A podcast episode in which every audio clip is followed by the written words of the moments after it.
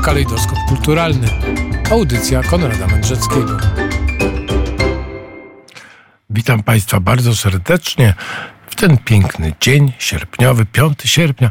5 sierpnia ma to do siebie, że 5 sierpnia w 1000 360 roku polskie wojska odbiły Malbork, proszę Państwa, z rąk krzyżackich. Bardzo dobra, dobra wiadomość. To jest w związku z tym, w tym radosnym nastroju, wspominając wspaniałe wydarzenia, przystępujemy do rzeczy, czyli do tygodniowego kalejdoskopu kulturalnego. A dzisiaj będzie bardzo ciekawie. Oczywiście, jak zwykle jest bardzo ciekawie. A jeszcze o jednej chciałem e, rocznicę powiedzieć, ponieważ e, bardzo dawno temu e, który to był rok? Nie pamiętam, który to był rok. Bardzo dawno temu to było. W każdym razie e, e, to było w średniowieczu e, i poświęcono bazylikę Matki Bożej Większej w Rzymie i to się nazywa ta bazylika Matki Bożej Śnieżnej. I ona jest bardzo znana z tego, że została namalowana przez takiego malarza, o którym rozmawialiśmy, który się nazywa Masaccio i to jest wspaniały obraz. Bardzo, bardzo proszę sobie, ale roku nie ma tutaj podanego w, tym, w tych moich notatkach, albo nie zapisałem, w związku z tym muszą Państwo sobie to znaleźć.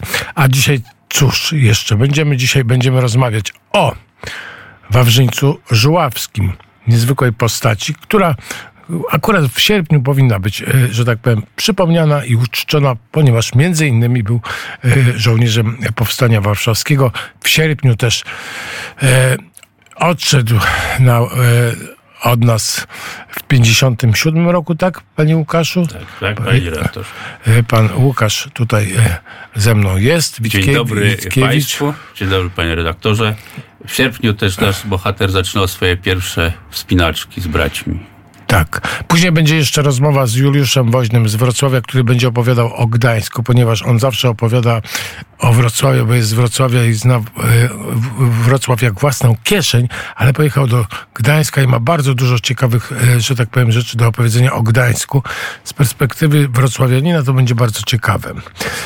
Będzie później rozmowa długa o Perugino, ponieważ Perugino, 550. rocznica śmierci tego malarza, wielka wystawa w Perugii, jego obrazy w Zamku Królewskim także, więc profesor Jerzy Mgziołek jest zamówiony na rozmowę i będzie to bardzo ciekawa rozmowa, ale to już po godzinie dziewiątej, a teraz Teraz już się zajmijmy Wawrzeńcem Żuławskim, bo w ogóle rodzina Żuławskich to, to, to taki potężny klan, jeżeli chodzi o polską kulturę, prawda? E, tak, ale ja, panie redaktorze, proponuję na początku posłuchać pięknej muzyki. To jest aria con variazioni na flet, klarnet i fagot. To jest kompozycja e, naszego bohatera dzisiejszej audycji. Alpinisty i taternika. Taternika, to był multitalent. Ale... Słuchacie Państwo tygodniowego kalejdoskopu kulturalnego. Łukasz Wickiewicz ze mną w studio. On zresztą wymyślił dzisiejszy temat audycji, pierwszą część przynajmniej.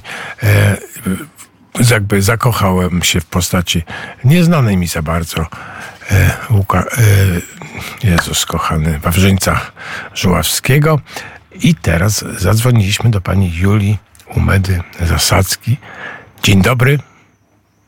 E, dzień dobry.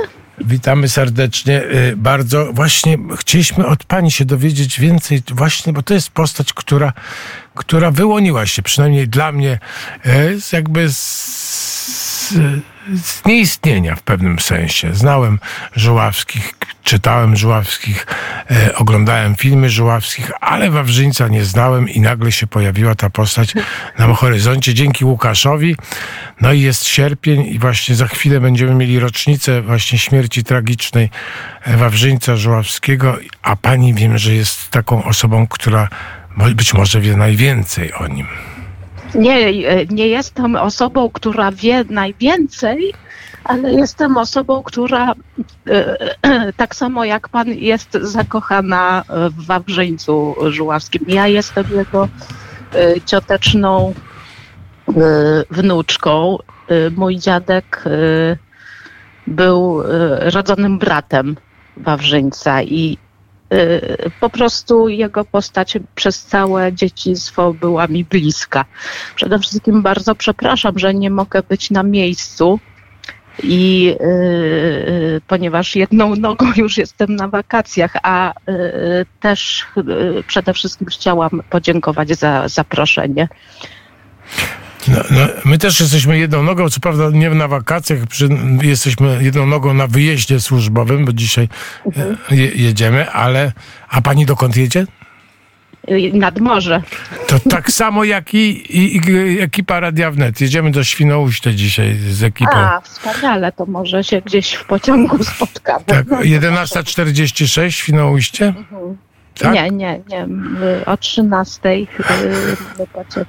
O 13, ale nie Świnoujście, tylko Hel. Dzisiaj w ogóle dużo osób rusza, bo tutaj e, właśnie idąc do, e, do e, radia na krakowskim przedmieściu, koło Świętej Anny mamy radio, vis-a-vis właściwie, ogromna ilość pielgrzymek, też wspaniała, to też taka budująca serce, że tak powiem, informacja.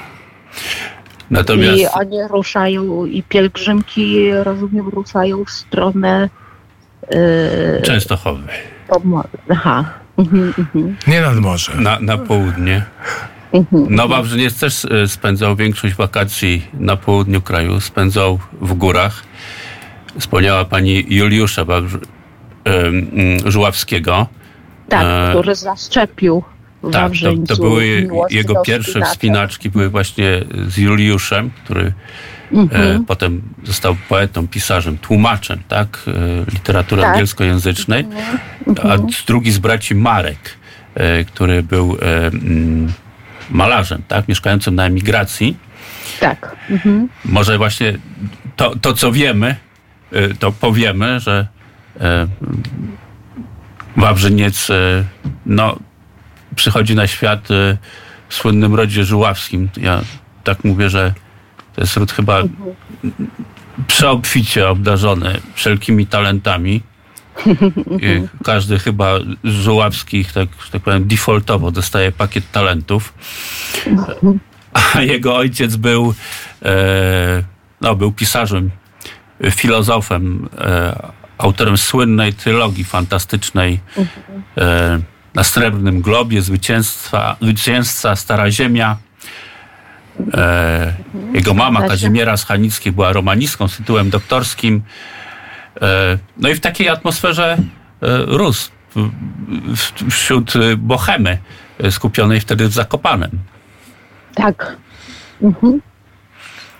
Wśród bohemy skupionej w Zakopanem, bo rzeczywiście yy, ten, ten dom, w którym mieszkali żuławscy no, za życia Wawrzyńca już bez Jerzego, czyli Łada, Witkiewiczowska Łada, yy, ten dom skupiał yy, różnych właśnie takich twórców, pisarzy, był takim mm, Ka- Kazimiera Żuławska tworzyła taki społeczny dom kultury, No i tak, skoro gdzie było Jakieś może Bogaty anegdotki by się przydały. Może pani pamięta wy, y, z, wy, wy, z zakamarków pamięci jakąś fajną anegdotkę? Byśmy, bo słuchacze bardzo czuli są na anegdotki. No ja, y, y, y, to ja jestem złą osobą, jeśli chodzi o anegdotki. Najlepsze, naj, najlepszą osobą, jeżeli chodzi o Wawrzyńca, tak? Bo, Tak, tak, tak, oczywiście, no głównie o Wawrzyńcu, bo, bo no wiadomo, ród wielki, ale byłoby, byśmy zaraz skręcili w jakąś inną liczkę i byśmy już zapomnieli o Wawrzyńcu, tak to bywa. Mhm, tak, tak. No, o Wawrzyńcu nie da się zapomnieć, bo on też miał swój pakiet e, talentów. E, on akurat był obdarzony talentem muzycznym. Tak jak mówię, on... on Ale też pisał przecież, świetnie pisał, ja czytałem jego I felietony. pisał, i talent muzyczny, tak, zgadza się. I tutaj jakby to taki, taka osoba, która godzi jakiejś sprzeczności, bo z jednej strony jest sportowcem ekstremalnym, te, te, te spinaczki, na które cho- chodził już od 16 roku życia, to były całkiem poważne problemy e, takie alpinistyczne, e, jak na tamte czasy, bo i galeria gankowa, e, żabi mnich, no wiele było tych, mm, tych, tych celów, które były rzeczywiście takimi imponującymi wyprawami. Dość powiedzieć, że już w wieku 22 lat kieruje wyprawą w Alpy. Tak. Ale to jest jego życie jeszcze właśnie mm, przed wojną.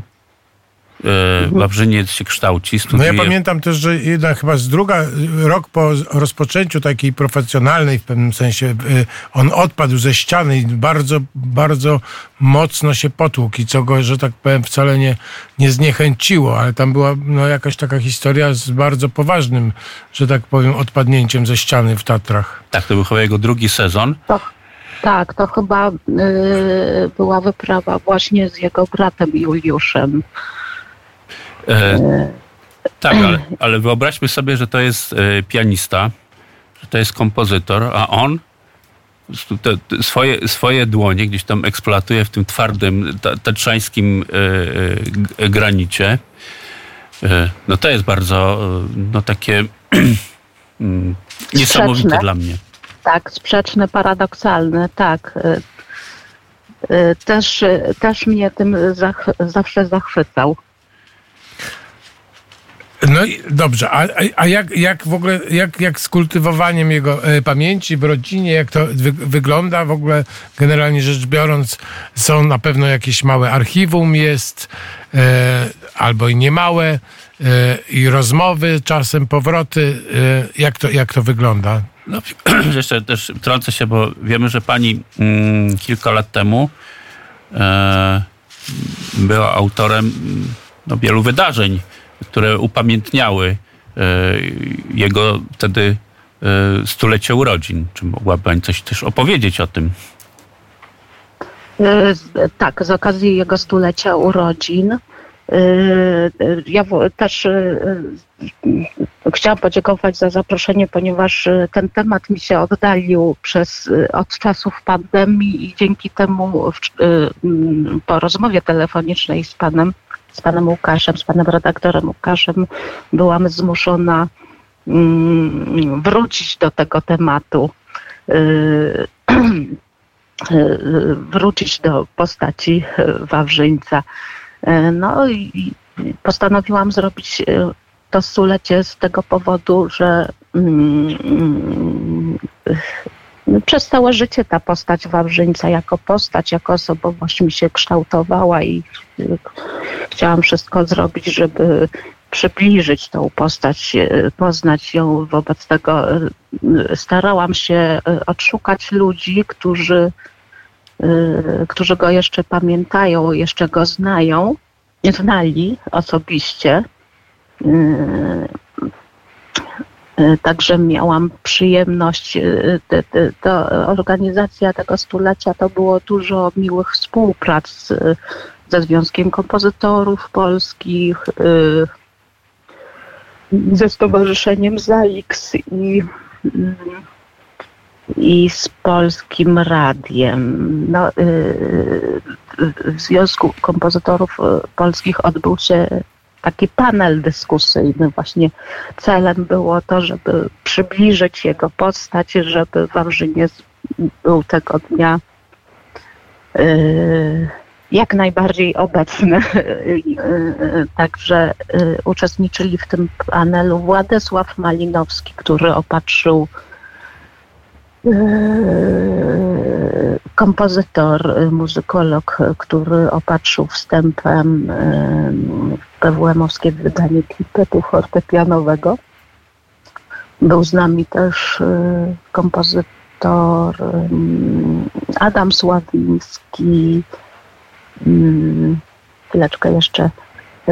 Pani Anna Malisk, Milewska, znana nam jako aktorka, y, ale też jako żona zawady y, słynnego Himalajsty. Y, Także rzeczywiście to, to wydarzenie się udało, bo mm, no to oni, to, to do nich trzeba się zwrócić, jeżeli chcemy usłyszeć anegdotki z życia Wawrzyńca, to oni tutaj są y, najlepszymi adresatami. I pięknie było, bo y, pięknie opisywali jego postać, przybliżyli, także to się udało. Na drugi, to, to, był y, cały szereg wydarzeń, więc y, tutaj miałam przyjemność y, rozmawiać z Jerzym Maksymiukiem, y, który dokończył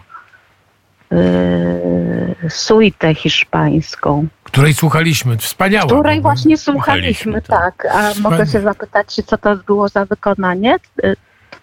Które to było wykonanie, z którego roku? No to ja nie powiem teraz, bo musiałbym... 1957, 1957 rok. Już A!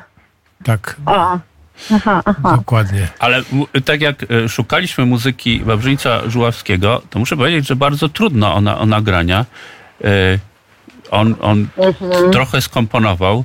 Mówi się, że jego talent e, no gdzieś tam został do, do, w pełni nie, nie, nie, nie rozkwitł. Niespełniony, tak, tak. Raz, że on był społecznikiem i, i mnóstwo energii, mnóstwo swojego czasu. I przede wszystkim ratownikiem, prawda? Tak. No więc y, tutaj miałam takie niesamowite przy okazji organizowania tego stulecia. Mm, y, miałam bardzo y, takie niesamowite spotkanie z Jerzym Maksymiukiem, którego nigdy w życiu nie zapomnę. Y, ja przyszłam do niego z prośbą, żeby y, z okazji stulecia wykonał y, tą suitę hiszpańską, której właśnie przed chwilą słuchaliśmy. Przyszłam do niego z obawą, że nie będzie pamiętał o co chodzi. Przecież to jest mhm. człowiek tylu dokonań. Zajęty i, i generalnie. On musiał no, musiał włożyć wysiłek, y, żeby sobie przypomniał, co to jest za postać, a Wawrzyniec Żuławski był jego mm, mm, nauczycielem. Wawrzyniec Żuławski po wojnie działał jako organizator i profesor, przede wszystkim profesor muzykologii, konserwatorium, muzyk, konserwatorium muzycznego. W Łodzi, y, prawda? Łodzi, a potem w Warszawie. Łodzi, też w Warszawie. Relacje i... są takie, że studenci go bardzo lubili. I relacje są takie, że studenci go lubili i wśród tych studentów był, yy, yy, był Jerzy Maksymiuk i yy, w, w latach 70. matka Wawrzyńca zwróciła się do Jerzego Maksymiuka, że że nic właśnie nie, nie dokończył e, tej suity e, hiszpańskiej. On, ona wówczas, e, ten utwór wówczas się nazywał Tańce hiszpańskie albo dawne tańce. I, i Kazimiera zwróciła się do niego ponieważ już e, wiadomo było, że ten człowiek, Jerzy Maksymilian, ma wielki potencjał e, i e, już był bardzo młodym, zdolnym kompozytorem. A ja mam teraz taką propozycję, żebyśmy zrobili chwilę przerwę na muzykę właśnie mhm. Żuławskiego i zaraz wrócimy jeszcze do bardzo ważnych wątków, bo ja chciałbym porozmawiać między innymi o Powstaniu Warszawskim, o tym, że został e, między innymi e, pośmiertnie wyróżniony tytułem Sprawiedliwy mhm. wśród Narodów Świata, więc to są ważne rzeczy, ale żebyśmy e, troszeczkę dali odetchnąć od tych i, dużej ilości informacji, posłuchajmy, e, Łukasz e, za, zapowie e, drugi utwór właśnie Wawrzyńca Żoławskiego. I później się też zapytam, dlaczego Wawrzyniec, który de facto jest Jerzym Wawrzyńcem, y, funkcjonuje głównie jako Wawrzyniec. A tak. To teraz właśnie wysłuchamy arii Convariazioni na flet, klarnet i fagot.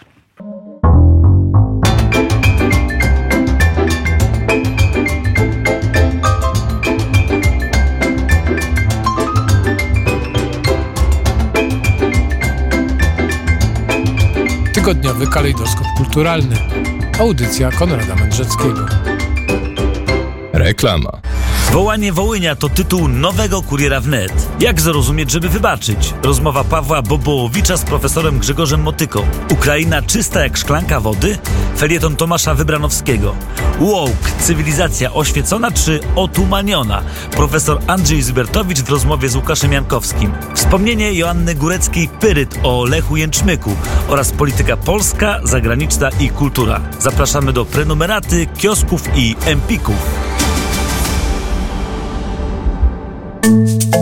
Jak wygląda góra, na której szatan kusił Jezusa? A miasta, gdzie się urodził, nauczał, uzdrawiał i mieszkał? Zapraszamy na pielgrzymkę z dziennikarzami Radia Wnet. Przez 8 dni zwiedzimy Betlejem, Pole Pasterzy, Jezioro Galilejskie, Górę Kuszenia, Ścianę Płaczu i inne mistyczne miejsca historii zbawienia. Pielgrzymkę do Ziemi Świętej śladami Jezusa planujemy w dniach 20-27 stycznia 2024 roku. Organizatorem jest biuro pielgrzymkowe Mateo Travel. Informacje pod numerem 504 189 508 oraz mateotravel.pl. Po reklamie.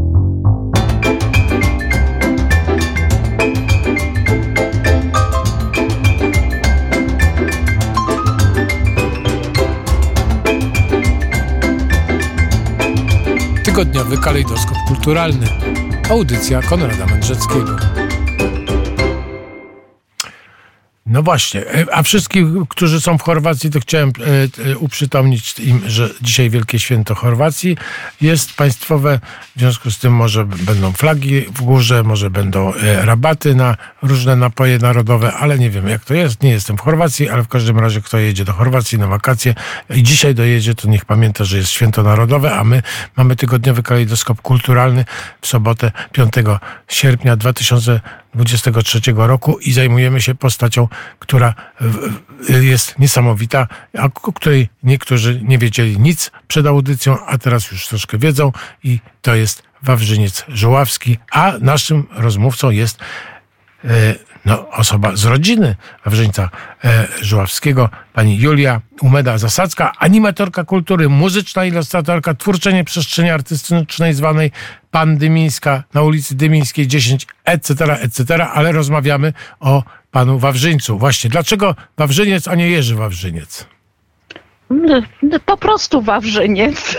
Nie, nie, nigdy mm, nie znaliśmy przyczyn, dlaczego używał e, tego drugiego imienia, a nie pierwszego. No dobrze, ale w, w każdym razie w, w encyklopediach różnych jest napisane właściwie Jerzy Wawrzyniec i nagle Jerzy się... Jerzy Wawrzyniec, tak.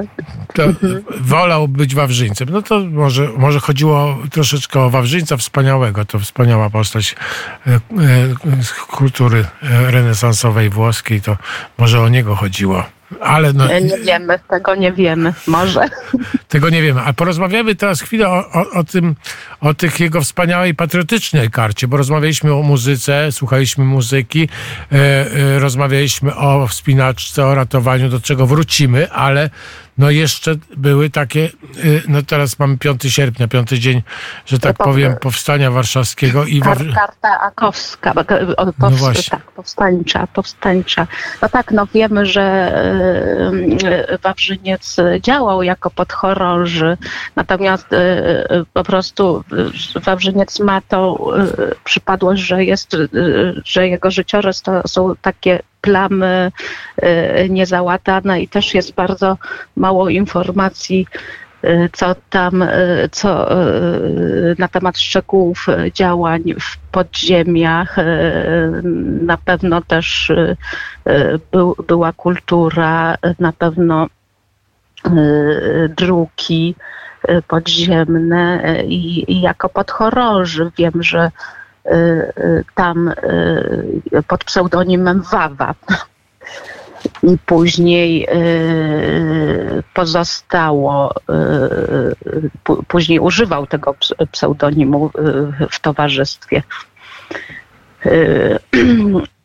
Wiem, że tam poznał moją babcię i prawdopodobnie dzięki temu mm, Y, był jakby takim ojcem. Y, y, dzięki temu babcia poznała brata Wawrzyńca i dzięki temu zawdzięczamy tutaj jako wnuki życie na ziemi.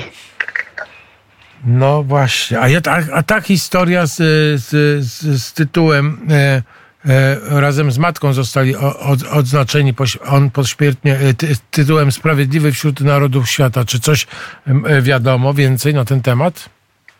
E, to oni e, podczas, w czasach okupacyjnych mieszkali na Marszałkowskiej. Wawrzyniec i jego mama Kazimiera, podczas gdy mm, jego starszy brat y, był y, na emigracji, a młodszy, młodszy brat chyba też w końcu.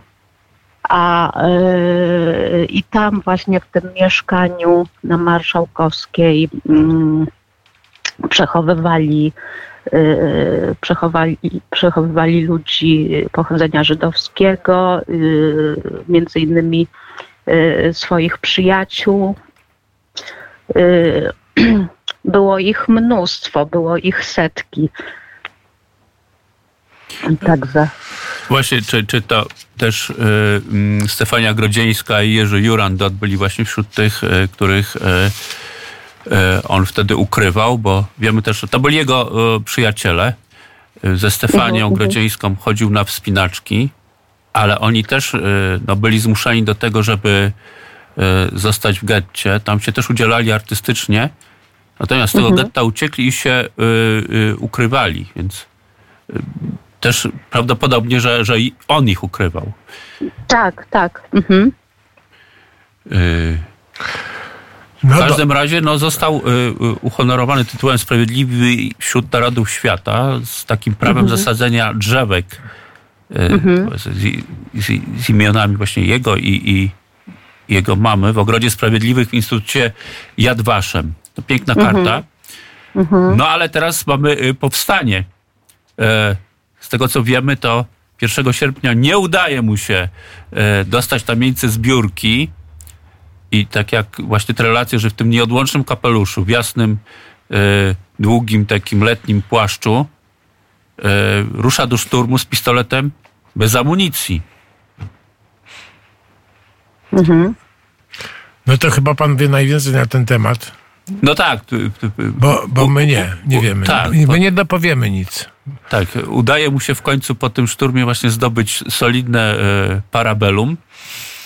E, i w tym, czym się sławił też podczas powstania, to było jego, jego patentem, y, jego wynalazek, to była taka kolejka linowa e, na, poprzez e, e, aleje jerozolimskie, które były wtedy nie do przebycia. Tam potem zrobiono taki przekop barykadę, ale wcześniej z racji tego, że, że, że cały czas trwał ostrzał niemiecki, nie można było przejść tego miejsca. On y, stworzył taką właśnie kolej liniową. Dzięki temu można było na przykład y, y, w tamtą stronę z śródmieścia północnego na południowe przesyłać prasę powstańczą. Tyle wiemy właśnie o, o, o jego takiej powstańczej karcie. Nie bardzo wiem, co, co było po, po, po powstaniu. Czy, czy, czy coś wiadomo? No po powstaniu zajął się głównie e, taką działalnością organizacyjną, pedagogiczną. E, ja właśnie mm, e, w swoich archiwach, znaczy w swoich archiwach, w archiwach rodzinnych znalazłam y, taki świstek dotyczący 46 roku. To jest y, taki ślad, który już świadczył o tym, że, że był związany ze Związkiem Kompozytorów Polskich. A ten świstek dotyczył jego delegacji na na festiwal e, muzyki współczesnej w Londynie. gdzie też chyba zresztą jego utwór był e, wtedy w, w, w, wykonywany.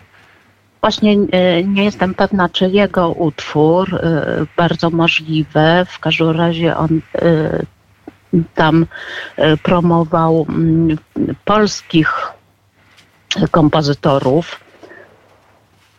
To, zdaje się, to był pierwszy festiwal, międzynarodowy festiwal współczesnej muzyki i dwudziesty i to był pierwszy festiwal 20, ale pierwszy festiwal od po wojnie, tak. Yy, poprzedni, poprzedni festiwal odbył się tuż przed wybuchem II wojny światowej. No, rzeczywiście... I tam właśnie wy, wystąpili tacy, zostały wykonane mm, utwory takich muzyków jak Palester, Mm, Panównika i Fittelberga. a nie wiem, czy y, wtedy Wawrzyniec był albo organizatorem tej sekcji polskiej, albo jury. Zdaje się, że organizatorem. Bym musiała jeszcze zajrzeć. Dobrze, e, to teraz zrobimy tak. Zrobimy teraz chwilę też przerwy muzycznej i przejdziemy do, e, później do, tak, do tej ostatniej wyprawy, bo, bo tutaj chciałbym, żebyśmy... No jeszcze, jeszcze a propos tak, tak. tych y, działań organizacyjnych, no to jeszcze Y, już y, działał przy Stowarzyszeniu Autorów y, ZAIX. Tak, był prezesem ZAIX-u tak. z tego. I zdaje tak. się, że to w sprawach ZAIX-u też pojechał w Alpy właśnie w 1957 tak. roku. Ale stąd, to... stąd znał Jana Brzechwę, prawda? I... A tutaj pozwolę sobie przeczytać taką relację Jana Brzechwy. Kiedyś Jan Brzechwa e, spotyka go na ulicy, to jest właśnie opowiada o tym, jak bardzo zajętym był człowiekiem. To, to, to, to wspomnienie Brzechwy pochodzi z Taternika. To cały numer Taternika w 59 roku był poświęcony właśnie wspomnieniom yy, Wawrzyńca. Wawrzyńca Żuławskiego. Ale to, yy, jak opowiada Brzechwa o spotkaniu właśnie z Wawą. Właśnie Wawrzyniec mówi tak. Pracowałem do późnej nocy, a teraz idę na posiedzenie do ZAIX. Potem mam zarząd klubu wysokogórskiego. Jeszcze wpadnę do ZKP. I możemy się spotkać na odbiedzie w Spatifie. Yy, umówiłem się tam z kimś, komu mam oddać rękopis. Yy, po obiedzie jestem znowu zajęty, a wieczorem idę na koncert. Może po koncercie. Przyjechał Marek i obiecałem mu, że przyjdę do Bristolu. No. Tak wyglądało no jego życie. Dla, e, i, to, i, I dlatego y, nie mógł dokończyć ciągle swoich utworów. Właśnie, mówią, że był wszystkim dla, dla, dla, dla wszystkich. Jak wspomina właśnie y, jego brat Marek, jak to on już nawet rano podczas golenia już załatwiał jakieś tam sprawy tak. w Zaiksie. No, no, jakby bezlitośnie rozdawał się innym. A ja bezlitośnie przerwę teraz rozmowę na muzykę, bo, bo taka, takie moje prawo i, i, i i tak zrobię i posłuchamy, tak, proszę. Mhm. Teraz już nie mamy, nie znaleźliśmy więcej utworów w bazach naszych e, Wawrzyca Żułackiego. Szukaliśmy, znaleźliśmy to, co znaleźliśmy, puściliśmy wszystko, co znaleźliśmy. W związku z mhm. powyższym teraz puścimy taką e, piosenkarkę Alice Pebble Low When Only When I i to jest bardzo piękny utwór. Myślę, że nie będzie e, w zupełnej dysharmonii z tym, o czym rozmawiamy i później wracamy do, do, e, do Wawrzyńca Żuławskiego i opowiemy między innymi o tej ostatniej wyprawie e, z 57 roku, gdzie no, zginął śmiercią bohatera, można powiedzieć, ratując ludzi. No to posłuchajmy. You didn't teach me, I taught myself through you. You didn't heal me, but I healed from the things that you do. We didn't want each other, baby. We wanted something so much more to feel the rarest that which opens all doors. Don't shut them all too quickly, there might not always be more. I'll spread your love so thickly so I can reminisce some more. Słuchacie Państwo tygodniowego kolejdoskopu kulturalnego 5 sierpnia 2023 roku y, spod Kościoła Świętej Anny w Warszawie. Naprzeciwko nas ruszają pielgrzymki. Teraz byłem na balkonie, znowu kolejne grupy ruszają. No to serce rośnie, serce rośnie, proszę Państwa, fantastycznie. A my dzisiaj rozmawiamy e, z panią Julią Umedą Zasadzką pisze się bardzo śmiesznie, bo nie śmiesznie, zasadzka, ale nie tak jak przez DZ, czyli zasadzka pani nie jest zasadzka, czyli nie wpadamy w zasadzkę, tylko... Nie, nie w pułapka, tak. Nie zasadzka pułapka, tylko zasadzka przez C. No właśnie i, i rozmawiamy no, o osobie niesłych, niesłychanej, o której właśnie Wawrzyniec Żuławski, e, Jerzy Wawrzyniec Żuławski, tak, e, e, że tak powiem, e, nomenklaturowo poprawnie, ale y, głównie Wawrzyniec Żuławski i to była niesamowita postać. Rozmawialiśmy już dzisiaj o jego muzyce dużo, o jego y, działalności alpinistycznej, o powstaniu. Kompozytorskiej, pisarskiej. Ale teraz powoli przejdźmy do tej, tego 57 roku, bo to też to, to jakby takie zwieńczenie jego życia, no smutne, ale no piękne w pewnym sensie. No właśnie, to mhm. jakiś paradoks takiej historii, no bo to jest taka postać, która żyje e, no, w tych, tych wirach katastrof dziejowych i, i też e, jakby dzielnie stawia temu czoło, walcząc, e, narażając się jako sprawiedliwy, jako ten, który chroni życie ludzkie. I to Bogu dzięki udaje mu się przeżyć te wszystkie e, dziejowe tragedie. Już po wojnie jego nic życia zostaje tak no, gwałtownie przerwana. No i też ginie, ginie śmiercią bohatera. I teraz wracamy do tego lata, sierpnia 57 roku. Tak właśnie z panią Julią próbowaliśmy to odtworzyć no bo wtedy y, w Chamonix, y, w Alpach francuskich trwają obozy alpinistyczne polskich grup. Tam spina się mhm, śmietanka. Polskich i francuskich, tak. Tak, tak. I Wawrzyniec właściwie, e, zdaje się, on chyba znalazł się w tym Chamonix przez przypadek, bo on Otóż znalazł właśnie. się tak przy okazji Y, podróży, y, podróży zawodowych. Y, takie, I, takie są właśnie chyba relacje, tak? Czy, czy mhm. on prawdopodobnie przyjechał albo z ramienia właśnie Polskiego Związku Alpinistycznego, który zresztą po tej nocy stalinowskiej bardzo szczęśliwie reaktywował, albo właśnie mhm. był na delegacji w sprawach właśnie ZAX-u. W każdym razie to było tak, że y, kiedy dociera do Chamonix, to już trwa akcja ratunkowa. Y, polski spinacz, też zresztą bardzo dobry, Stanisław Groński, wybrał się z Wojgiem, z dwoma Jugosławianami na e, właśnie w masyw e, Mont Blanc.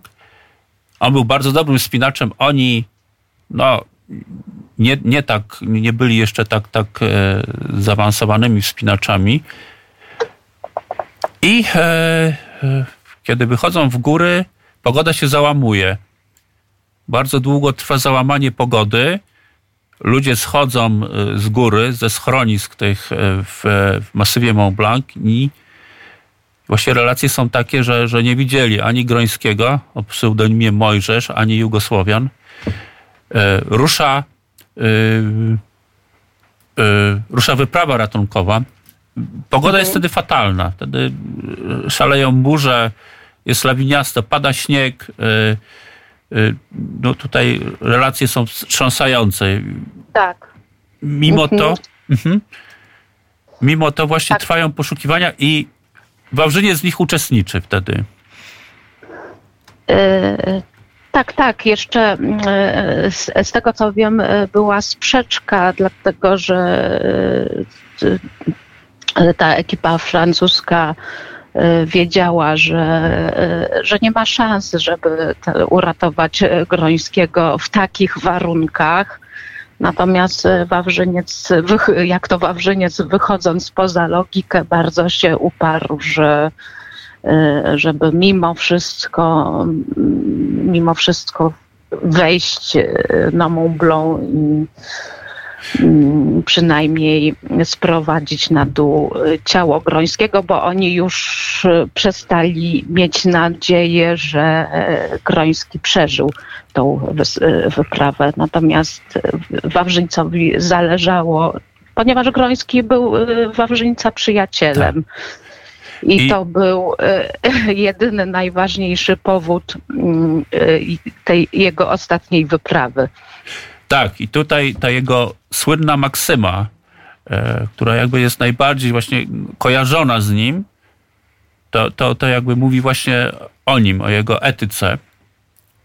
Powiedział ni mniej, ni więcej, tylko nie zostawia się w górach przyjaciela, nawet choćby już był tylko zamarzniętą bryłą. Podobno tak. tą zasadą kierował się mhm. całe życie i, i, i wtedy i wtedy też y, kierowała nim. Bo tam doszło do takiego pewnego zwrotu w akcji, ponieważ jeszcze się odbył taki zwiat samolotem, niczego nie znaleziono. I kiedy już e, w pewnym momencie była taka mm, narada e, w, w Chamonix z ratownikami e, francuskimi, zdecydowano, że to było 17 sierpnia, że kończą akcję. Natomiast mhm. Y, już właśnie wszyscy mieli się rozejść. Po południu zaczęło się przejaśniać. I Francuzi mówią wtedy, no to może pójdziemy. I właściwie tak jak e, to, to, to mówili polscy spinacze, to było no, taki gest no, y, no, niemal jak pod samosierrą, tak? No bo właściwie to, to, te, te poszukiwania były bezsensowne. Podobno było tak, że Francuzi mieli jakby górscy mm, ratownicy z Francji mieli złą prasę. Wtedy było, doszło do wielu tragedii też. No, trwała mhm. też tragedia na, na, na Egerze w Szwajcarii. I Francuzi no, mówią, to idziemy, tak? I wtedy Wawrzyniec mówi, no to jeśli oni idą, mimo że jest to bezsensowne, to my też pójdziemy, no. Idziemy po naszego przyjaciela.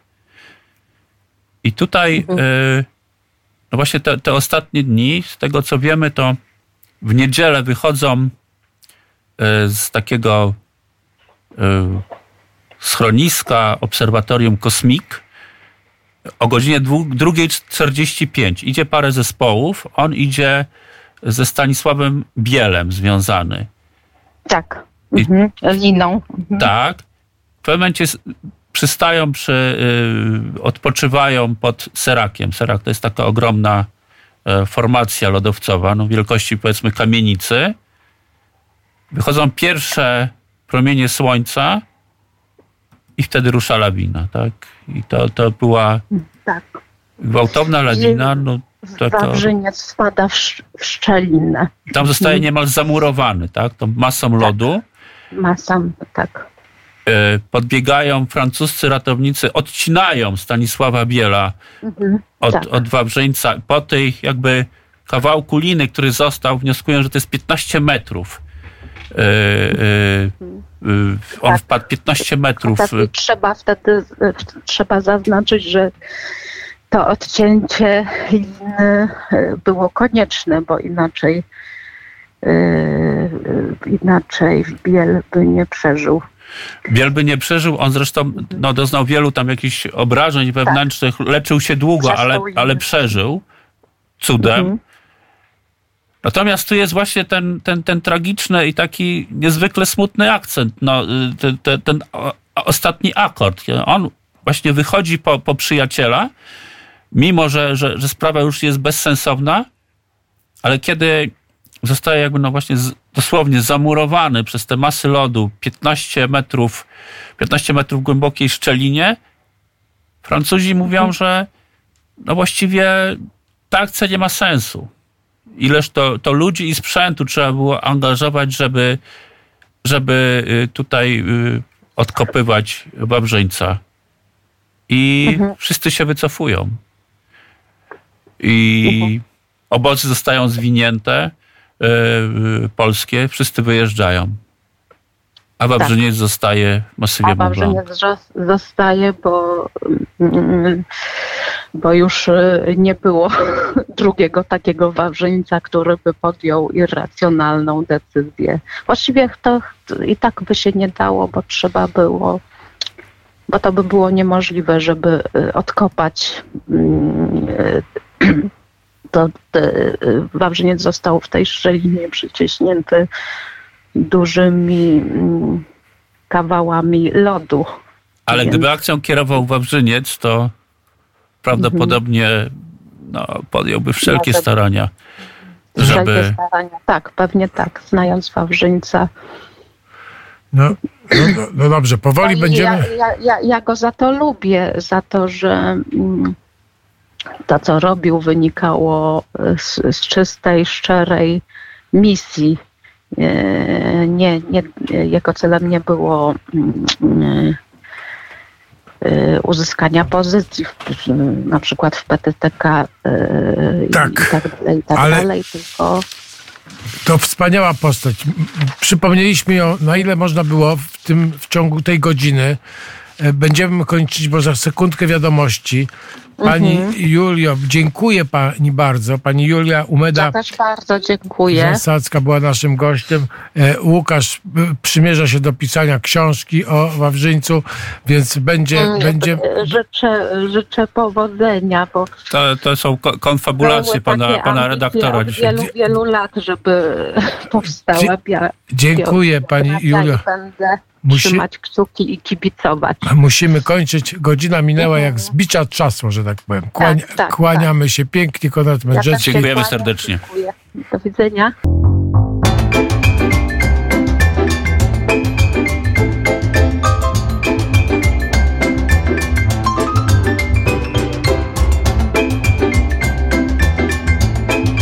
Tygodniowy kalejdoskop kulturalny. Audycja Konrada Mędrzeckiego. No właśnie, bardzo piękny dzień. Pielgrzymki ruszają.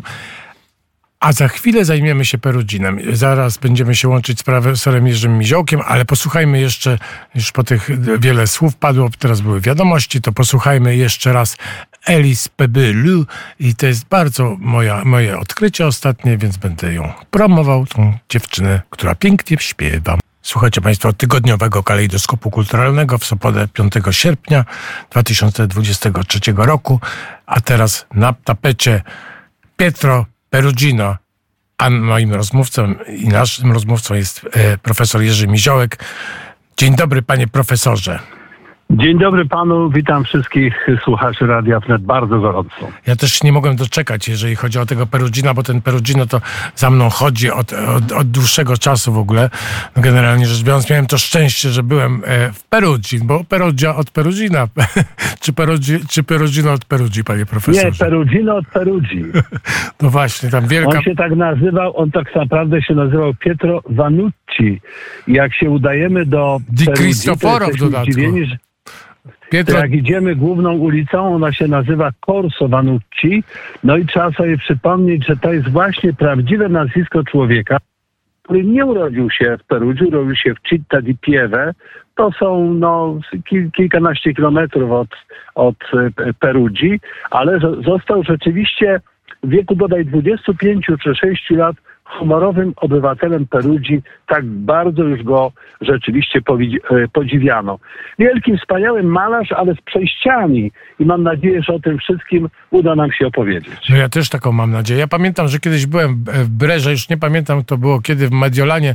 W Brerze to jest taka fantastyczna galeria i tam między innymi są zaślubiny Maryi z Józefem Rafaela i kiedyś sprowadzono, ja akurat trafiłem na ten moment, kiedy sprowadzono ten sam motyw obrazu e, właśnie Perugina, e, obraz jego przyjechał z Francji, bo ten obraz to jak miał jakąś taką dziwną historię, że Napoleon go zabrał, do, chciał go w Louvre wystawić, ale w końcu on trafił gdzie indziej do Francji, a później zrobili kilkaset lat później takie spotkanie tych dwóch obrazów, zaślubiny Józefa z Marią, właśnie Perugina No i to jest, I bardzo, Rafaela. i to jest bardzo pouczające takiego porównania, bo z tego wychodzi jakby no, cały los Perugina, jego zarówno charakterystyka jego stylu, ale także to, że rzeczywiście dane mu było w życiu, czy na szczęście, czy na nieszczęście, spotkać kogoś takiego jak Rafael, który żył połowę tego, co żył y, Perugino,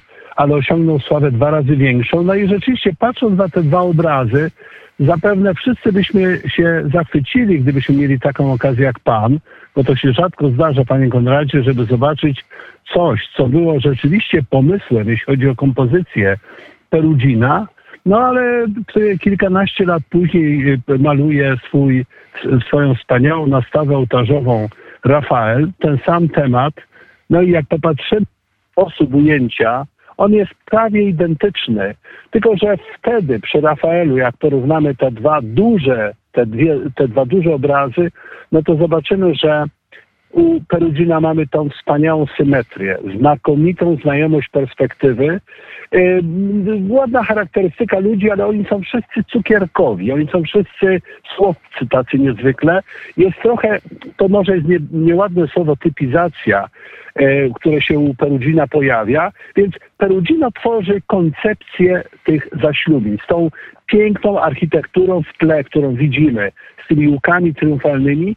Rafael no, architekturę, tą budowlę centralną, która stanowi tło dla e, tego wydarzenia, robi to piękniej niż Perudzina. Po prostu widać, jak bardzo Rafael, który był przecież uczniem Perudzina, studiował u niego w Perudzi, jak bardzo potrafił rzeczywiście wybić się na indywidualność.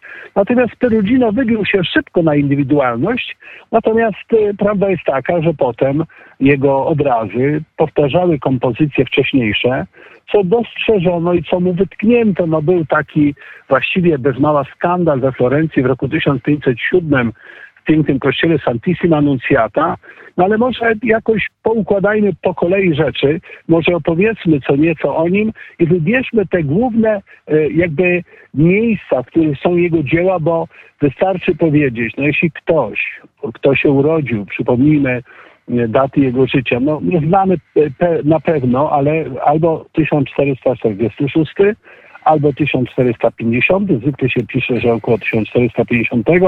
Nie znam dokumentu, który by wypłynął i który by to potwierdził, jak ostatnio to, że Caravaggio urodził się nie w Caravaggio, tylko urodził się w Mediolanie. W przypadku Peruzina wiemy, że urodził się w Citta di Pieve, ale nie znamy daty urodzin zmarł w roku 1523 i wiemy, że właściwie no, na pewno po, poza tym, że najpierw uczył się u malarzy lokalnych w, w Perudzi, to potem zetknął się niewątpliwie, nie wiadomo czy na zasadzie studiów takich pogłębionych z warsztatem Verrocchia, na pewno... No i Piero della Franceschi, prawda? I Piero della Francesca. Ta może jako pierwszego się powinno wypowiedzieć, bo rzeczywiście Piero della Francesca jest jednym z tych malarzy. I on z tych wszystkich malarzy zebrał, jakby to powiedzieć, creme de la creme, e, ale stworzył swój własny, indywidualny styl i był tak słynny w późnych latach 70., czyli on ma wtedy no tam dwadzieścia kilka lat, no prawie dobijano może trzydziestki, ale już był tak słynny, żeby nie mówić o tych wcześniejszych dziełach,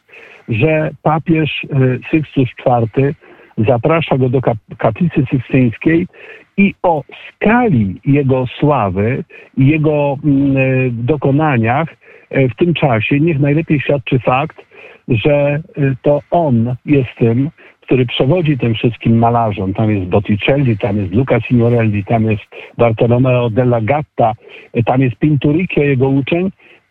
E, Perugino maluje tam pięć obrazów, pięć wielkich e, fresków.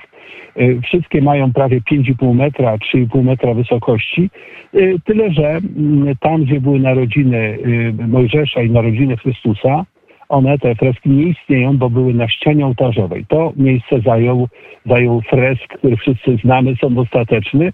Wiemy, że w tej dojrzałej fazie twórczości e, Michał Anioł miał publicznie podobno wyśmiać Perudzina za to, że jest, e, powtarza koncepcję. Więc może spróbujmy powiedzieć, jeśli pan, panie Konradzie pozwoli, najpierw może o tych freskach w kaplicy systyńskiej, tych trzech, które znamy, ale warto je do nich na nowo wrócić, potem o Collegio del Cambio i o, żeby jakby rzeczywiście pokazać los człowieka, to zamówienie do Santissima Annunciata, bo na pewno pan na wystawie w Perugii. Ja nie byłem na tej wystawie, niestety ona się zamknęła w czerwcu. Ja byłem na poprzedniej wystawie i mam z niej katalog, ale na pewno na tej wystawie ostatniej widział pan fragmenty tych malowideł rozproszonych, tych Santissima Annunciata rozproszonych po całym świecie. A więc możemy ruszyć...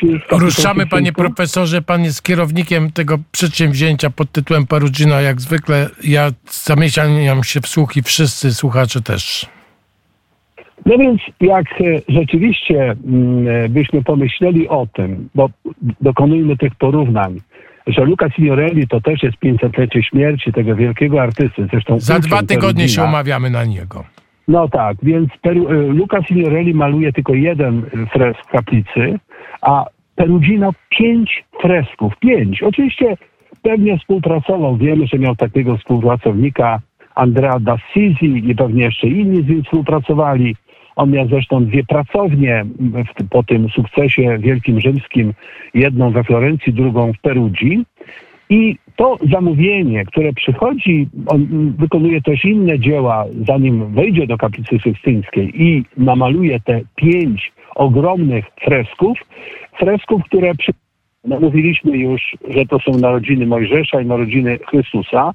Może też powiedzmy, zanim powiemy mm, dalej o tych obrazach e, w kaplicy, że e, kaplica seksyjska w tej dolnej partii, tych właśnie, gdzie są te freski malarzy tworzących e, w XV wieku, wśród nich właśnie także Botticelli, to są sceny z życia Mojżesza i Chrystusa, czyli wydarzenia z życia Chrystusa, z Mojżesza, wydarzenia życia Chrystusa. I mamy te trzy malowidła zachowane, w których no, najsłynniejsze jest oczywiście to, które ukazuje, e, ukazuje wręczenie kluczy świętemu Piotrowi. Ale przecież jest też jeszcze, są dwa inne freski, wśród nich narodziny, narodziny Chrystusa i y, scena z życia Mojżesza w Egipcie. Y, na te dwa freski zwracamy mniej uwagę, natomiast na pewno i z tego powodu, że każdy papież, który jest w kaplicy sykstyńskiej wybierany na urząd Piotrowy, zawsze na ten tresk patrzy. Y, Jan Paweł II w, swoich, w swoim tryptyku rzymskim bardzo pięknie pisze o, o tym malowidle, no więc to jest rzeczywiście piękne malowidło. To jest takie malowidło, które, tak jak wspomniany przez Pana na początku, właśnie obraz ten, który, który widział Pan w Breże, który zestawiono z obrazem Breże, który tam na czyli obrazem Rafaela. E, ten obraz, e, ten fresk kaplicy sekstyńskiej ma ten wspaniały podział na właśnie taką wspaniałą symetrię.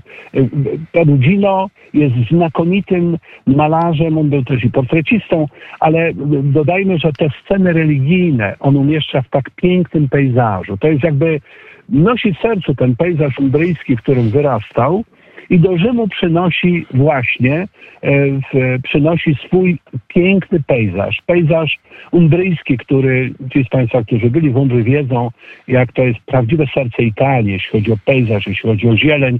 No i mamy ten podział na te dwie grupy. Święty Piotr klęczy przed e, Chrystusem e, i mamy ten cudowny pejzaż, taką, jakby to powiedzieć, piękną scenę religijną, w której rodzi się papiestwo. No to jest właściwie jakby serce kaplicy sykstyńskiej w tym wymiarze właśnie wyboru tych konklawi, które się tam odbywają, czyli wyborów papieży. No i mamy, y, to jest mistrzowskie dzieło, bo y, w scenie chrztu mamy taką ogromną ilość postaci.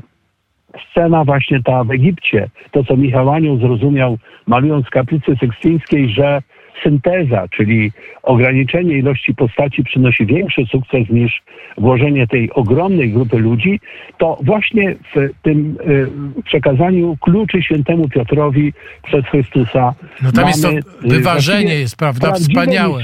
dzieło. Takie wyważenie tego wszystkiego, tam nic nie jest za Takie dużo. wyważenie.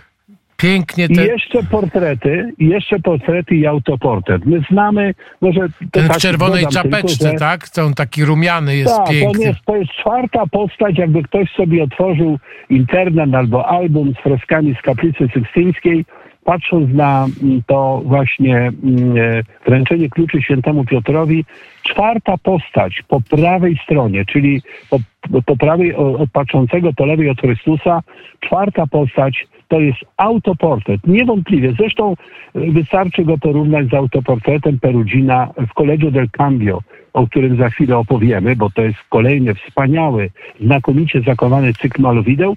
A więc to był artysta, tak jak przystało na artystę epoki renesansu, świadomy swego miejsca w społeczeństwie, był doceniany, był rzeczywiście e, rozrywany, posiadał dwa, dwie pracownie malarskie, ale jednocześnie no właśnie to portretowanie się, czy jest ten autoportret, a obok stoi jeszcze jeden malarz, e, który jest uważany albo, że to jest Bartolomeo Delegata, albo jeszcze jeden z jego dobrych znajomych, którzy też w kaplicy malowali.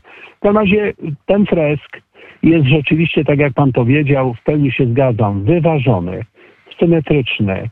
Ma w sobie właśnie tą taką religijną, takie religijne ciepło, taką rzeczywiście jakby ojcowskie, takie boskie spojrzenie Chrystusa na tego, któremu klucze przekazuje i ten Piotr, który z takim niesłychanym oddaniem e, i z e, pełną miłością e, przyjmując te klucze patrzy na Zbawiciela. Pięknym, rzeczywiście piękne malowidło, arcydzieło, był rok 1481 czy początek 82 kiedy Perugino pośród tych innych malowideł, które też odznaczają się symetrią, osiowością, no w chrzcie Chrystusa jest znowu ten przepiękny pejzaż, a więc mamy do czynienia z prawdziwym arcydziełem. No i kolejne arcydzieła, wspomnieliśmy, jeśli Pan pozwoli, przejdźmy do kolejnego wielkiego kompleksu, które się nazywa Collegio del Cambio w Perugi. No oczywiście, panie profesorze, lecimy do Peruży. Ale zapewne to było w ciągu wystawy, prawda? Bo jak była wystawa przed 20 laty czy 25, to ta Collegio del Cambio było w ramach biletu, który się kupowało do, na wystawę i się del Cambio, więc e, podejrzewam, a nawet jestem przekonany, że pan Collegio del Cambio był. No był, był, oczywiście, że był. Co, mia, co miał nie być po prostu. No. Proszę Państwa, więc ci, co nie byli, bo ci, co byli, to, to, to wiedzą, jak to jest niesłychane wnętrze. To jest właściwie jeden z tych zabytków włoskich, które przetrwały w stanie nietkniętym. Collegio del Cambio. Cambio to jest wymiana walut. No, jakieś to były bankowe sprawy, ja wszystkich szczegółów kantor, nie znam. normalnie kantor, no. Taki kantor, tak, właśnie. Ale proszę Państwa, takiego kantoru nie ma na świecie innego. To jest po prostu kantor, który jest y, y, ozdobiony tak niewiarygodną ilością malowideł. Malowideł, które no tak właśnie w duchu renesansu, no jest wystawa w Warszawie, o której mówiliśmy, przebudzenie o tym oddziaływaniu kultury grecko-rzymskiej na włoski renesans y, i w którym jest mowa o tym, jak to mm, rzeczywiście próbuje się dokonać takiego pięknego idei, które idą z antyku przedchrześcijańskiego z, antyki, z chrześcijaństwem, to tu, w tej właśnie Collegio del Cambio, podobnie jak potem zrobi to Rafael z Stanza della Segnatura, mamy to niesłychane połączenie postaci, wielkich, wybitnych postaci ze starożytności. Y, i to są i wodzowie jak tam Alkibiades i tacy jak między innymi Scypion afrykański, y, no, Temistokles, y, plejada tych wszystkich postaci, które stoją w, pod y, personifikacjami najrozmaitszych cnót. A to są cnoty właśnie wytrwałości, a to są personifikacje, które no właśnie jakby wiążące się z charakterami tych ludzi, a więc mamy jakąś niesłychaną galerię E, przedstawień tych wielkich postaci e, starożytności, a obok tego mm, mamy sceny religijne. Wśród nich może najpiękniejsza jest ta, która ukazuje przemienienie pańskie.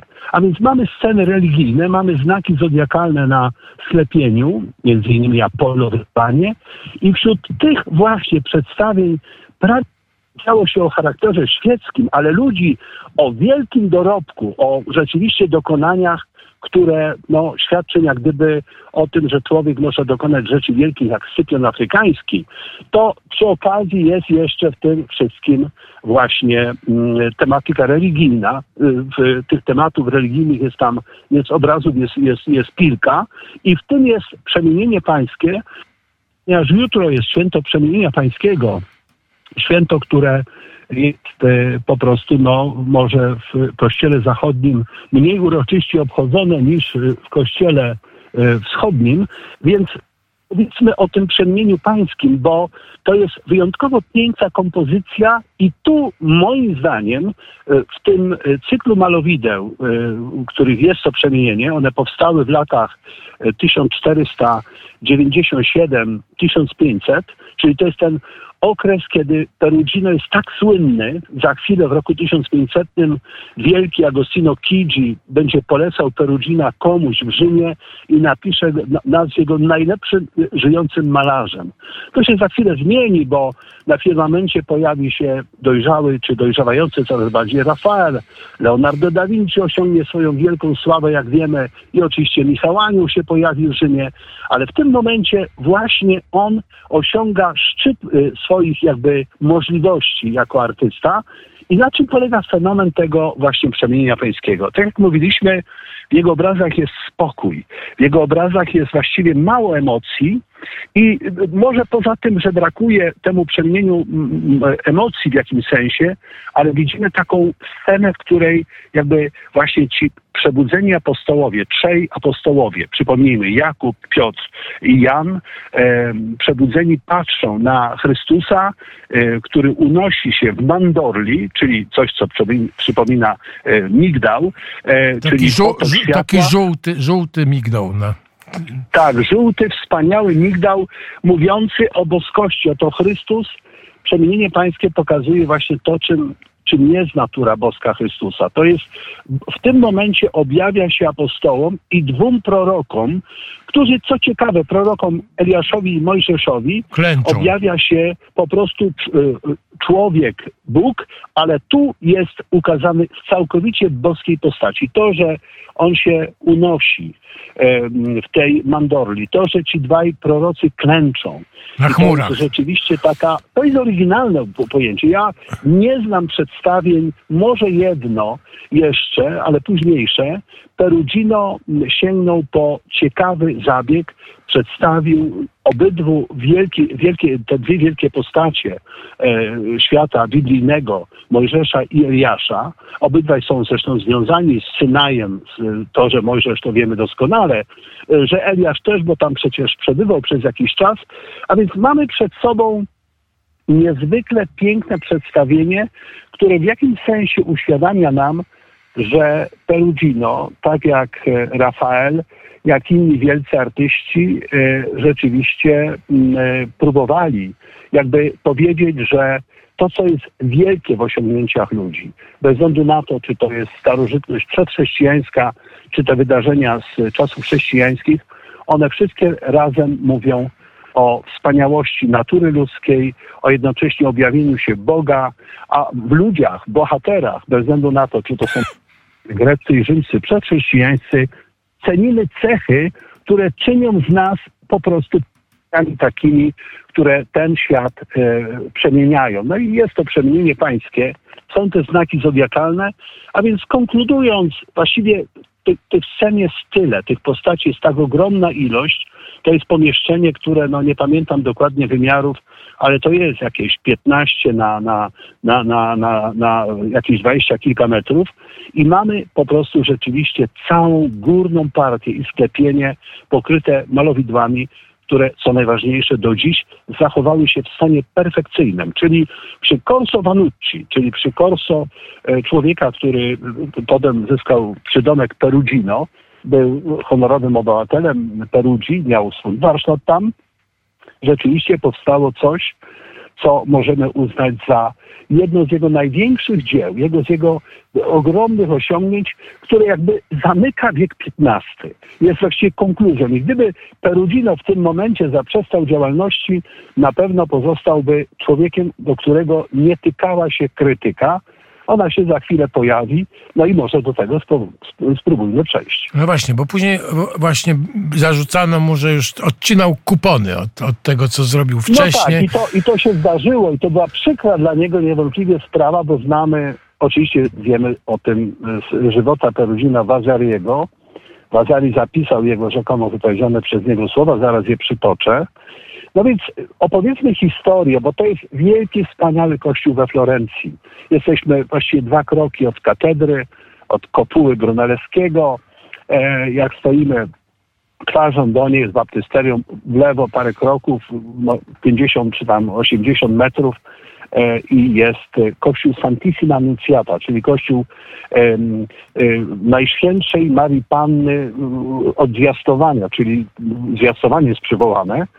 I to jest ten, to zamówienie, w które się wpisuje też Leonardo da Vinci. A więc mamy tak, zamówienie na nastawę ołtarzową, w której się pojawi między innymi ukrzyżowanie, do niego Perugino wykona właśnie to w niebowzięcie Najświętszej Marii Panny, to właśnie, które zostanie poddane krytyce, zaraz o nim opowiemy, ale ponieważ Filipino Lippi umiera przedwcześnie w roku 1504, to jest syn fra Filipo Lippiego, już wcześniej próbował, chyba chorując, E, Filipino Lippi przekazać zamówienie Leonardowi da Vinci i to Leonardo da Vinci do tego właśnie kościoła wykonuje karton. Karton, czyli ten ogromny w skali 1 do 1 rysunek przygotowawczy, który się zachował. Święta Anna Samo Trzecia. To jest ten wspaniały, nigdy nie wykonany obraz, znamy tylko jego, jego, jego po prostu ten karton ogromny, wspaniale zachowany. Leonardo y, był tak słynny wtedy, że całe procesje przychodziło oglądać ten jego karton wystawiony w Santissima Annunciata.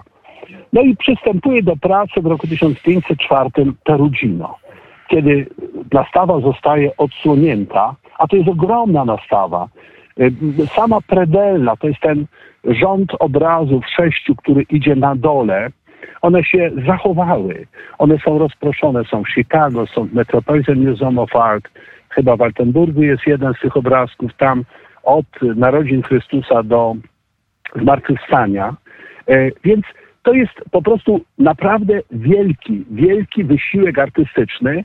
Jest to, e, ta, e, to w niebowzięcie Najświętszej Marii Panny, które nawet jak zestawimy z tym ukrzyżowaniem, które ukończył do, to, czego nie zdążył do końca zrobić w Filipino Lippi, ukończył to mm, Perugino.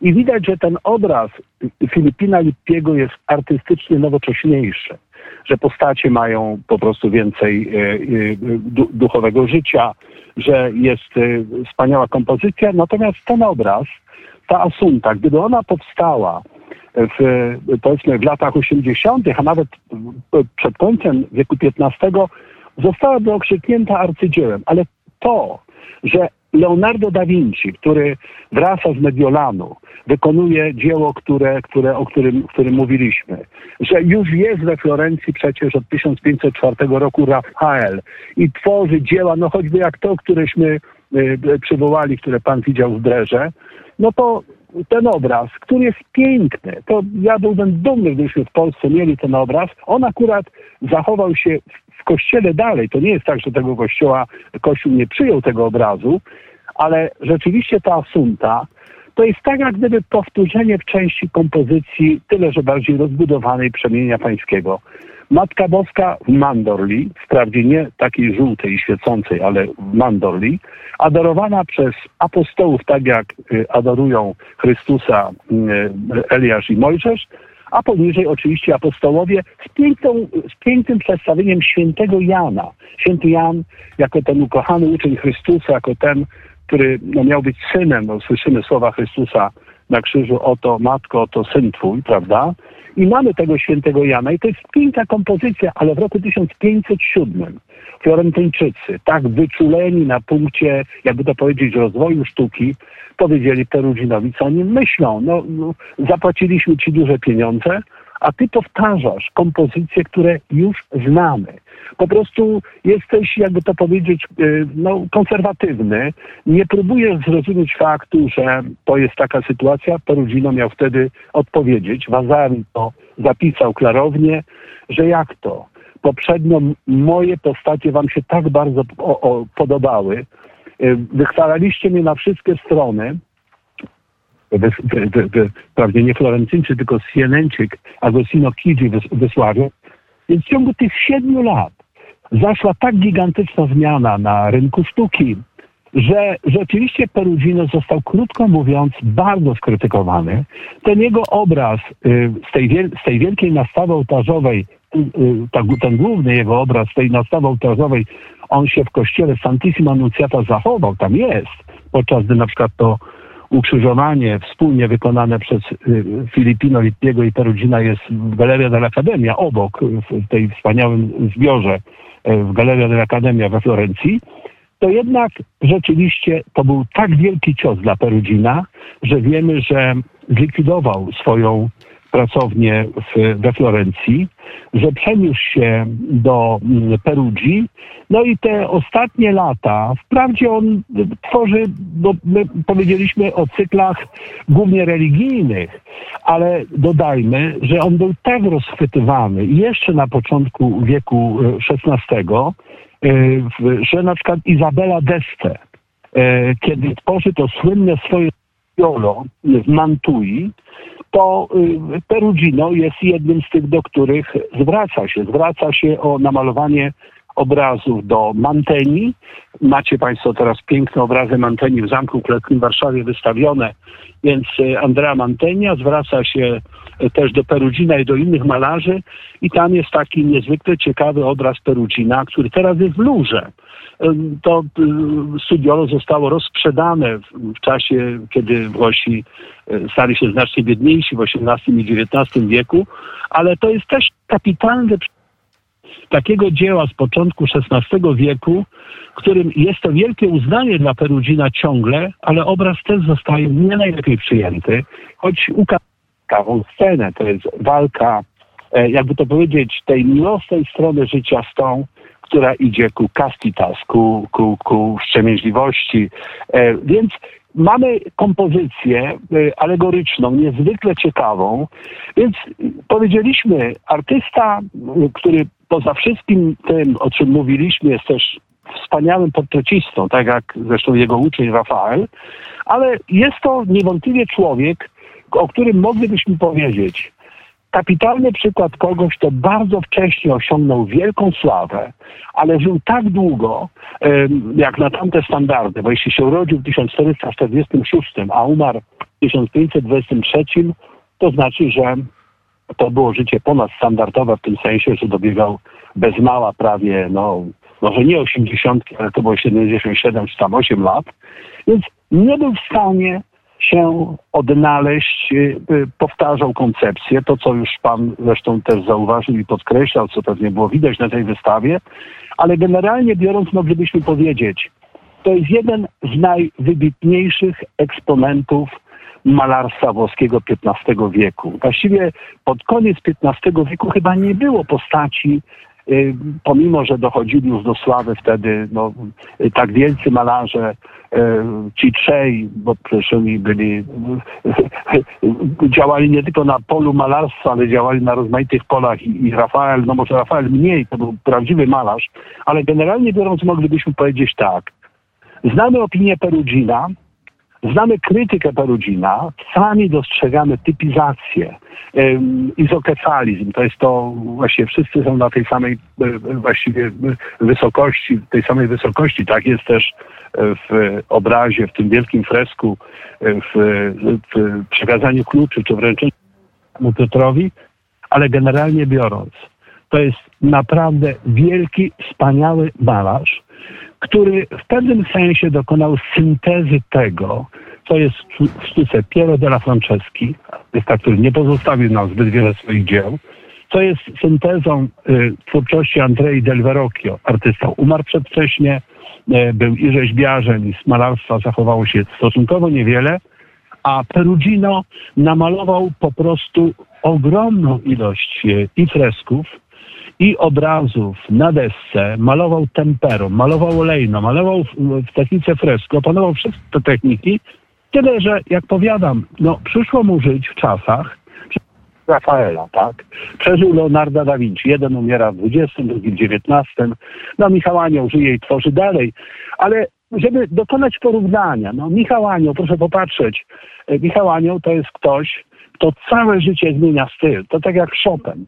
Chopin y, jest tym y, artystą genialnym, który po prostu wszystko, co tworzy, jest, jest nowatorskie, może poza tymi kompozycjami na wiolonczele i, i, e, i fortepian.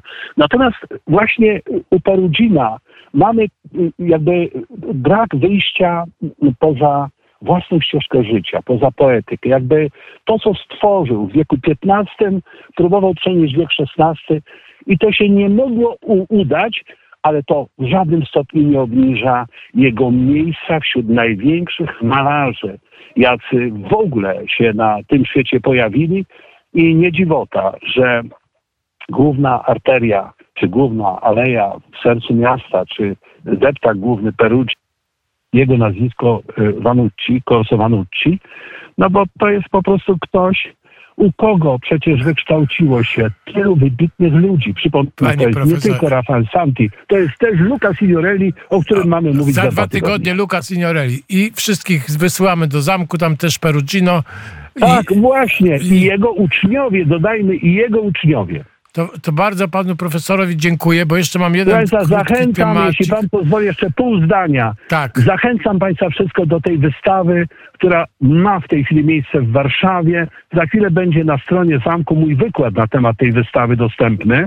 Opowiadam przeszło godzinę o tej, o tej, o tej właśnie wystawie.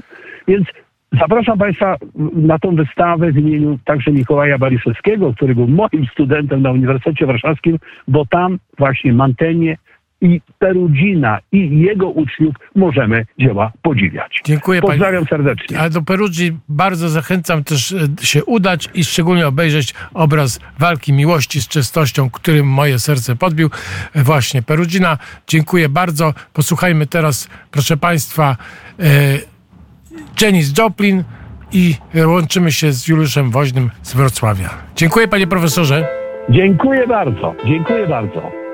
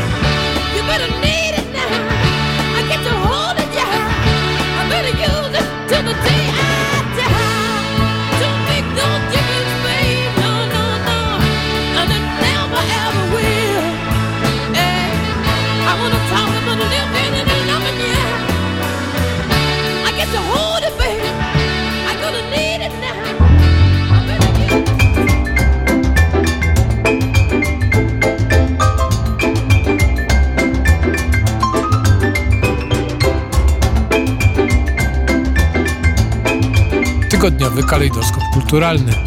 Audycja Konrada Mędrzeckiego. Reklama. Wołanie Wołynia to tytuł nowego kuriera wnet. Jak zrozumieć, żeby wybaczyć? Rozmowa Pawła Bobołowicza z profesorem Grzegorzem Motyką. Ukraina czysta jak szklanka wody? Felieton Tomasza Wybranowskiego. Woke, cywilizacja oświecona czy otumaniona? Profesor Andrzej Zybertowicz w rozmowie z Łukaszem Jankowskim. Wspomnienie Joanny Góreckiej-Pyryt o Lechu Jęczmyku oraz polityka polska, zagraniczna i kultura. Zapraszamy do prenumeraty, kiosków i empików. Pytacie o prognozę na lato. My kule przewidujemy. Ma padać. Wygrana za wygraną. W kumulacji Lotto do wygrania 6 milionów złotych. Graj w punktach Lotto i na lotto.pl. Po reklamie.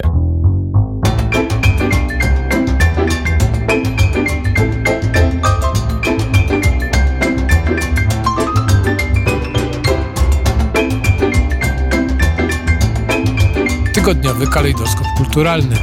Audycja Konrada Mędrzeckiego. Słuchacie Państwo tygodniowego kalejdoskopu kulturalnego 5 sierpnia. Y, Rozmawiamy z Juliuszem Woźnym, który jest super ekspertem naszym i cudownym korespondentem z Wrocławia, ale on pojechał do Gdańska. No i właśnie, już tak się namawiamy na tą rozmowę od ładnych paru minut, ale właśnie, Parugino nas pochłonął, ale wracamy. Panie Juliuszu, dzień dobry. Dzień dobry, witam pięknie. Zachęcam wszystkich do podróży do Gdańska. Jednak, tak? Nie ma... Tak, tak, koniecznie. Co tam w tym Gdańsku ciekawego? No ja widziałem, że pan strasznie się zachwycał memlingiem między innymi, ale, ale to był jeden moment, ale też jakieś tam były kłopoty z, z oglądaniem tego obrazu, tak? Tak, tak. No, Memling e, bez wątpienia jedno z najcenniejszych dzieł e, w zbiorach e, muzealnych w Polsce ale wyeksponowany bardzo kiepsko. Tu wielki minus dla Muzeum Narodowego w Gdańsku. E, memnik jest pokazany w takim e, szklanym pudle, w takim akwarium jakby, no ale jak się przyjrzymy baczniej, to, e, to są między tymi szybami są szczeliny, szkło jest poszczerbione. Mm, w dodatku obsługa mówiła, że nie należy obchodzić dookoła tego arcydzieła, czyli nie można było zobaczyć portretów fundatorów małżeństwa tanich. E, także no, powiedziałbym, że pewien niesmak pozostał. To się dodatku... zmieniło, bo ja kiedyś widziałem to wszystko. Chodziłem naokoło i było bardzo dobrze. Nie wiem, to parę lat temu było. No tutaj y, najwyraźniej y, coś się stało, że, że nie można było, y, panie mówiły, że tam tłumy okrążające tą, ten obraz powodują, że jakoś to się wszystko chwieje, no i te szyby też tam mogą drżeć, mogą, mogą się uszkodzić, więc w trosce o szyby nie oglądaliśmy mm, od tyłu małżeństwa, tań, małżeństwa tanich, a tam jest bardzo ciekawa rzecz, ponieważ mm, Katarzyna Tani klęczy pod wizerunkiem e, Michała Archanioła, który jest bliźniaczo podobny do tego Archanioła, który z wagą e, tam rozsądza e, ludzkie dusze, dokonuje się sąd ostateczny i identyczny Michał Archanioł jest na skrzydle z portretem fundatorki, tyle tylko, że on jest w technice Ongrizai, czyli jest szary różnymi odcieniami szarości jest namalowany. E, no, e, myślę, że e, znakomita sprawa, prawdziwy przysmak dla każdego konesera sztuki. Zresztą ta postać Michała Archanioła dominująca w całym obrazie sądu ostatecznego jest no, fenomenalnie namalowana. Tam jest mnóstwo zagadek, mnóstwo takich frapujących elementów. Między innymi to, że w jego złotej zbroi odbija się Dolina Józefata, czyli widzimy to, co jest przed obrazem widzimy to, y, to miejsce, w którym my stoimy, prawda? To, co się odbija. Y, Michał Archanioł patrzy na Dolinę Józefata, w której także zmartwychwstają kolejni zmarli. No i to jest straszliwe zamieszanie tutaj. Diabły odganiają pejczami biednych grzeszników w stronę piekła. Sprawiedliwi, pokornie składając ręce, udają się w stronę bramy raju. No fenomenalne, fenomenalne dzieło. Jak mówię, żałuję bardzo, że nie mogłem zobaczyć portretów fundatorów. No właśnie, tylko aluminium można zobaczyć, ewentualnie pójść do dyrekcji i się wymóc to jakoś tam, ale to dobra, nie będziemy wnikać. Ja bardzo bym chciał porozmawiać o tych balustradach, bo to mnie strasznie zafrapowało, bo przeczytałem pański tekst o balustradach i tam Właśnie się okazało, że na tych balustradach konserwatorki sprawiły, że e, postacie mityczne mają twarze właśnie pani, pani konserwatorek. Nie dość tego, e, pojawiają się na przykład e, na, na, na, na balustradzie, e, na niektórych postaciach dziwne jakieś e, dziwne rzeczy, na przykład łunochod. E, i, Tak to, jest. I to są jakieś po prostu nieprawdopodobne historie, bo do, jakby ta, no ja wiem, że czas jest względny, ale, ale żeby aż tak? Tak, to jest, to jest właśnie e, to, kiedy e, słuchamy o tym, jak pieczołowicie, jak e, precyzyjnie zostały odtworzone jakieś, jakieś elementy, jakieś dzieła sztuki. No i okazuje się, że nie zawsze tak jest. Dowodem, tu wrócę jeszcze na moment do Memlinga. Jeśli sobie pójdziemy do mm, kościoła mariackiego, największej, największej budowli z cegły, największej świątyni z cegły w Europie, czyli do Bazyliki Mariackiej w em, To tam zobaczymy kopię e, Memlinga. No i niestety ta kopia mm, nie dorasta do oryginału. Tutaj, tutaj e, technika współczesnych e, malarzy jednak jest e, m, nie tak doskonała, jak zdarzają się wyjątki oczywiście, ale w tym przypadku tak nie jest. Podobnie tutaj, no, te m, tak zwane wierne odtworzenia zawierają różnego rodzaju elementy takie zaskakujące. Ja pamiętam, że byłem tam na objeździe historyków sztuki na przełomie, to jeszcze było w czasach stanu wojennego, bardzo ponury, e, ponury czas, e, ale pamiętam, że utkwiło mi głęboko w pamięci to, że mm, e, bogini Diana ma rysy pani konserwatorki. No, każdy chce jakoś tam uwiecznić swoją postać, chce zostać na wieki, ale dodatkowo właśnie ten łunochod. Otóż m, podobno, to nie są potwierdzone dane, ale podobno m, te e, płaskorzeźby trafiły do warsztatów e, konserwatorów radzieckich. Oni w tym czasie byli bardzo dumni z tego, że po Księżycu jeździł Łunochod, cud techniki radzieckiej. To był taki pojazd, który tam e, Rosjanie e, wysłali i mm, on e, przeprowadzał jakieś badania, wysyłał, wysyłał wyniki tych badań na, na Ziemię, także rzeczywiście e, zach- m, zachwycająca sprawa, no, dzieło nauki radzieckiej, no i trzeba było to uwiecznić. Czyli tuż obok bogini Diany, na balustradzie przedproża e, przy ulicy Mariackiej w Gdańsku, e, na Księżycu, e, który widnieje tuż obok wizerun- wizerunku Diany, zobaczymy. No, której symbolem jest księżyc przecież, tak? tak, jej, jej, jej symbolem jest księżyc, tak, tak, tak. I e, przy, przypomnę, Diana była e, boginią polo, polowania, także to e, bardzo groźna bogini.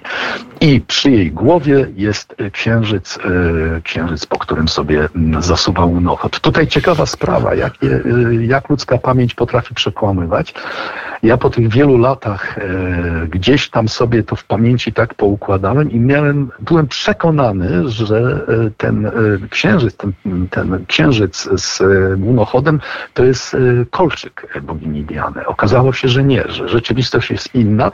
Także jak mówimy tam e, łże jak naoczny świadek, to w tym jest trochę prawdy. E, Dałbym się pokroić za to, że, że to był kolczyk. Tymczasem mm, księżyc jest e, obok postaci bogini Diany. No i, i rzeczywiście to przekonuje nas o tym, że Gdańsk był mocno zrujnowany e, w czasie wojny i duża część tych e, rzeczy, mm, które podziwiamy chodząc po Nowym Targu, to są rekonstrukcje. I, I rzeczywiście niektóre z tych malowideł są takie w duchu bardzo socrealistyczne, także e, kiedy sobie to uświadomiłem, to e, przestało mnie dziwić, dlaczego w XV, XVI, XVII wieku takie, e, taki styl e, panował w Gdańsku. No i to jednak są rekonstrukcje. Takie Diany, później, z, e, z, jak to pan napisał, z, z biustem kołchoźnicy się pojawiają. To są takie właśnie też połączenia różnych światów. Tak, tak, tak, oczywiście tutaj pamiętam, jak mówię, to, to nie jest nic nadzwyczajnego. Bardzo często konserwatorzy gdzieś tam takie smaczki umieszczają, a to swoją twarz gdzieś umieszczą, No, ale Ale, a nie każdy napis. jest Dürerem, prawda? Bo Dürer też umieszczał swoją twarz w różnych miejscach i jako taka, ale, ale nie każdy jest Dürerem, no. Niestety, prawda? Tak jest. I tutaj, jeśli chodzi o twarz, to mamy bardzo ciekawy, mm, bardzo ciekawy element, bardzo ciekawy wątek znowu w sądzie ostatecznym Mem- Memlinga. Otóż on odszedł od tradycji ikonograficznej, bo zazwyczaj e, grzesznik i mm, ten cnotliwy człowiek, który, którzy są ważeni na wadze, e, zazwyczaj e, to właśnie grzesznik jest na dolnej szalce. Natomiast tutaj najwyraźniej mm, kupiec tani powiedział, e, powiedział e, Memlingowi, że zaraz, zaraz, hola, hola, ale bardziej wartościowy towar opada. Czyli ten cięższy to, e, to, to jest tutaj na szalce jest. mm, Czyli jest e, lepszy. czyli jest lepszy, tak. I co ciekawe, twarz tego, e, tego człowieka e, podobno jest nawiązaniem do, mm, do e, twarzy jednego z mm, pracowników banku, mm, banku Medyceuszy w Niderlandach, ponieważ Tani był szefem banku Medyceuszy w Niderlandach. No i Ponoć kazał tutaj sportretować swojego następcę, mm, z tym, że e, to też e, sprawa jest e, ciekawa. Jak pisze Chyba jeden- rozwiniemy to następnym razem, panie Juliuszu, bo już za minutę musimy kończyć. Bardzo. Jedna rzecz do Gdańska. Dlaczego pojechać? Jedna rzecz, pierwsza. Y, Pierwsza rzecz tak, jednak, jednak Memling. Jednak Memling, e, absolutne arcydzieło e, i tutaj e, niski pokłon w stosunku do władz Muzeum Narodowego w Gdańsku. E, Pozwólcie obejrzeć dookoła i może zadbajcie o to, żeby, e, żeby już nie było tych wyszczerbionych I pozdrawiamy tych korsarzy, dzięki którym Memling Tak. jest w Polsce. Dziękuję Tak bardzo uprzejmie. Panie Juliuszu, wracamy y, może do, do Wrocławia za tydzień, albo za dwa Albo za dwa. najpóźniej. Albo Tak najpóźniej. Wszystkiego dobrego. Kłaniam się pięknie. Kłaniam się, pozdrawiam. Do widzenia.